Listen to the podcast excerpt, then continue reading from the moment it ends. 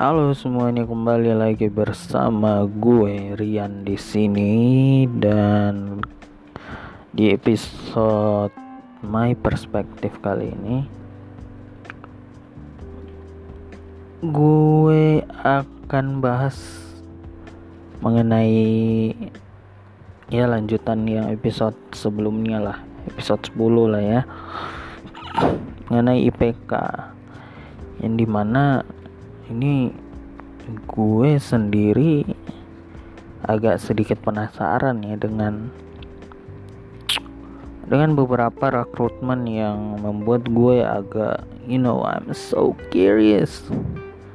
I'm I'm just so curious person about you know about recruitment process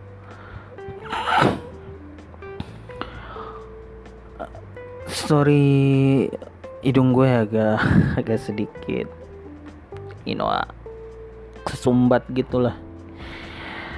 Nah gue pengen lanjut. Kenapa setiap kemampuan seseorang tuh masih diukur dengan IPK ini gue pengen nanya kepada pendengar gue yang denger podcast ini. Why gitu sekali lagi gue nanya why? Kenapa itu? Gue beberapa kali digagalkan dalam hal ya dalam tahap awal pendaftaran pekerjaan. You know lah syarat mutlaknya adalah IPK dan gue gagal. You know memang beberapa pekerjaan yang harus diperhitungkan dengan ijazahnya yaitu ya tenaga medis misalkan ya karena itu ilmu yang tak bisa disembarangin. Ada juga pekerjaan seperti pertambangan. Terus terus beberapa pekerjaan yang harus diukur dengan tingkat pendidikannya. Jadi diukur secara akurat dengan tingkat pendidikan yang yang tertentu lah whatever lah tapi yang yang yang spesialis spesialis uh, pekerjaan yang bisa di yang yang bisa diukur dari ijazahnya. Ada juga pekerjaan yang tidak bisa diukur dari ijazahnya. Seperti industri kreatif. Kita nggak bisa lihat dia dengan hanya IPK-nya rendah terus you know uh, rejected. Jangan gitu. It's okay dimulai dari pendaftaran awal mungkin ya. Dia harus mengikuti psikologi tes. It's okay dia ikut psikologi tes. Tapi setelah sorry. Tapi setelah itu harusnya ada ada semacam sebuah case yang harus dikasih kepada dia. Kenapa? Ya karena harus gitu. Karena itu supaya melihat kemampuan dia. Dia bisa nggak menghadapi case ini yang dikasih di perusahaan yang nanti akan rekrut dia eh, sebagai karyawan. Harusnya ada. Gue nggak bisa bilang bahwasanya eh, rekrutmen dengan proses kilat itu salah. It's okay kalau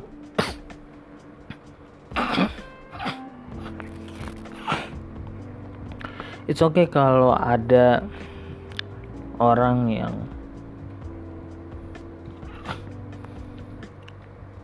yang merekrut dengan cara-cara demikian atau HRD-HRD yang merekrut dengan cara-cara demikian karena satu sisi timing ya mereka ngejar timing dan beberapa dari mereka juga ya tuntutan pekerjaan. Tapi come on lah ini udah 2020 oh gitu. Harusnya mereka tuh lebih berevolusi. Bagaimana mencari kandidat yang you know ketika perusahaan itu lagi dalam keadaan sulit memecahkan sebuah project maka cobalah untuk untuk kasih tugas ke tugas project itu kepada para perekrut lihat mana yang berkualitas mana yang kerja mana yang mana yang tidak kerja itu bisa terlihat ini sebenarnya proses yang bisa gue bilang proses kedua dari psychology test ya. Jadi psychology test itu eh, harus dan wajib. Karena ya kita harus tahu psikologi dari karyawan calon karyawan kita atau kandidat kita gitu. Kandidat yang nanti kita rekrut siapa tahu dia punya uh, apa kelainan kelainan-kelainan akal misalkan. Kan siapa tahu dia gila atau you know lah penyakit-penyakit kejiwaan gitu. Kita nggak pernah tahu makanya dia harus melewati namanya psychology test. Uh, tapi di sini gue pengen tekankan bahwasanya pekerjaan IT tuh menurut gue sih nggak usah ada ditaruh IPK sih menurut gue berikan saja pelamar itu sebuah case yang tadi gue sebut itu ya case yang beberapa perusahaan sulit untuk memecahkan itu ya kasih ke pelamar. Dan kita lihat bagaimana serius apakah pelamar itu bisa memecahkan case itu. Dan secepat apa case itu bisa di, dipecahkan.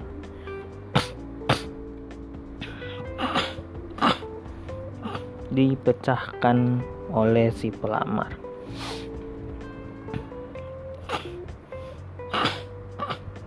sorry.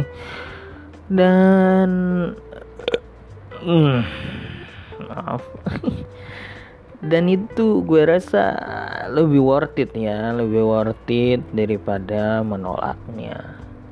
Itu yang itu yang gue maksud sebenarnya. Kalau memang perusahaannya lingkungannya kerjanya lebih kelompok berarti kasih case project yang mungkin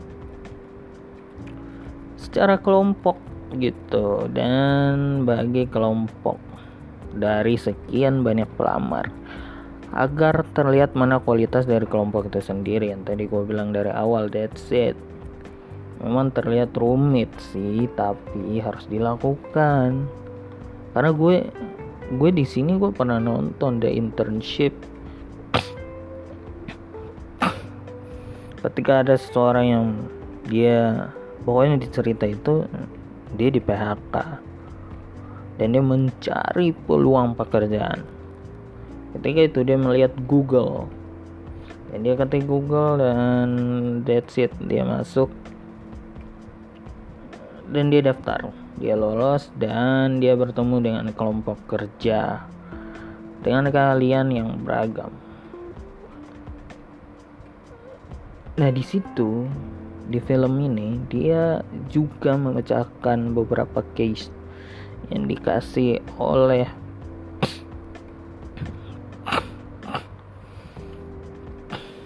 HRD atau manager yang pokoknya di di manager di Google di di film itu ya. Terus muncul terakhir muncul pertanyaan di benak gue yaitu kenapa harus menolak orang dengan IPK rendah apakah dengan IPK rendah lantas dia tak pantas masuk di perusahaan anda? Ya cobalah. Come on lah. Kamu nggak bakal tahu gitu. Kalian nggak bakal tahu bakat dia ketika kamu tidak mencoba menguliknya. Maka para HRD ya ini keresahan gue sebagai job seeker harusnya melihat dari sisi itu ya. It's okay ini cuman pendapat gue aja. Gue bikinin cuma ya, sedikit aja biar podcast ini gak panjang-panjang juga ya.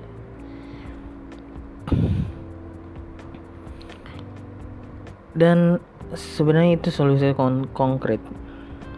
Sebelum gue tutup gue pengen sedikit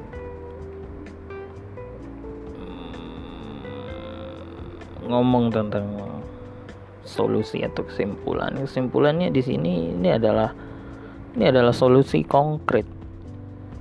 Ini solusi konkret yang yang memang harus ya harusnya sudah dilakukan di seluruh perusahaan yang ada di seluruh negara karena ya kalau memang lihat secara cepat ya boleh-boleh aja tapi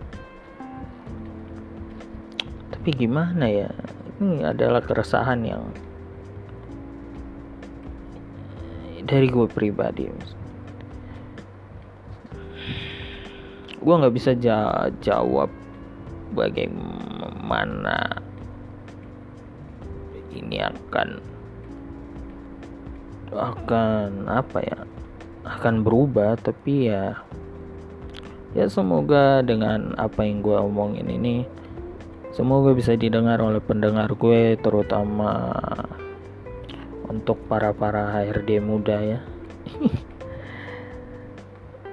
gue tutup uh, sekian dari podcast gue. Semoga teman-teman sehat selalu. Assalamualaikum warahmatullahi wabarakatuh and bye.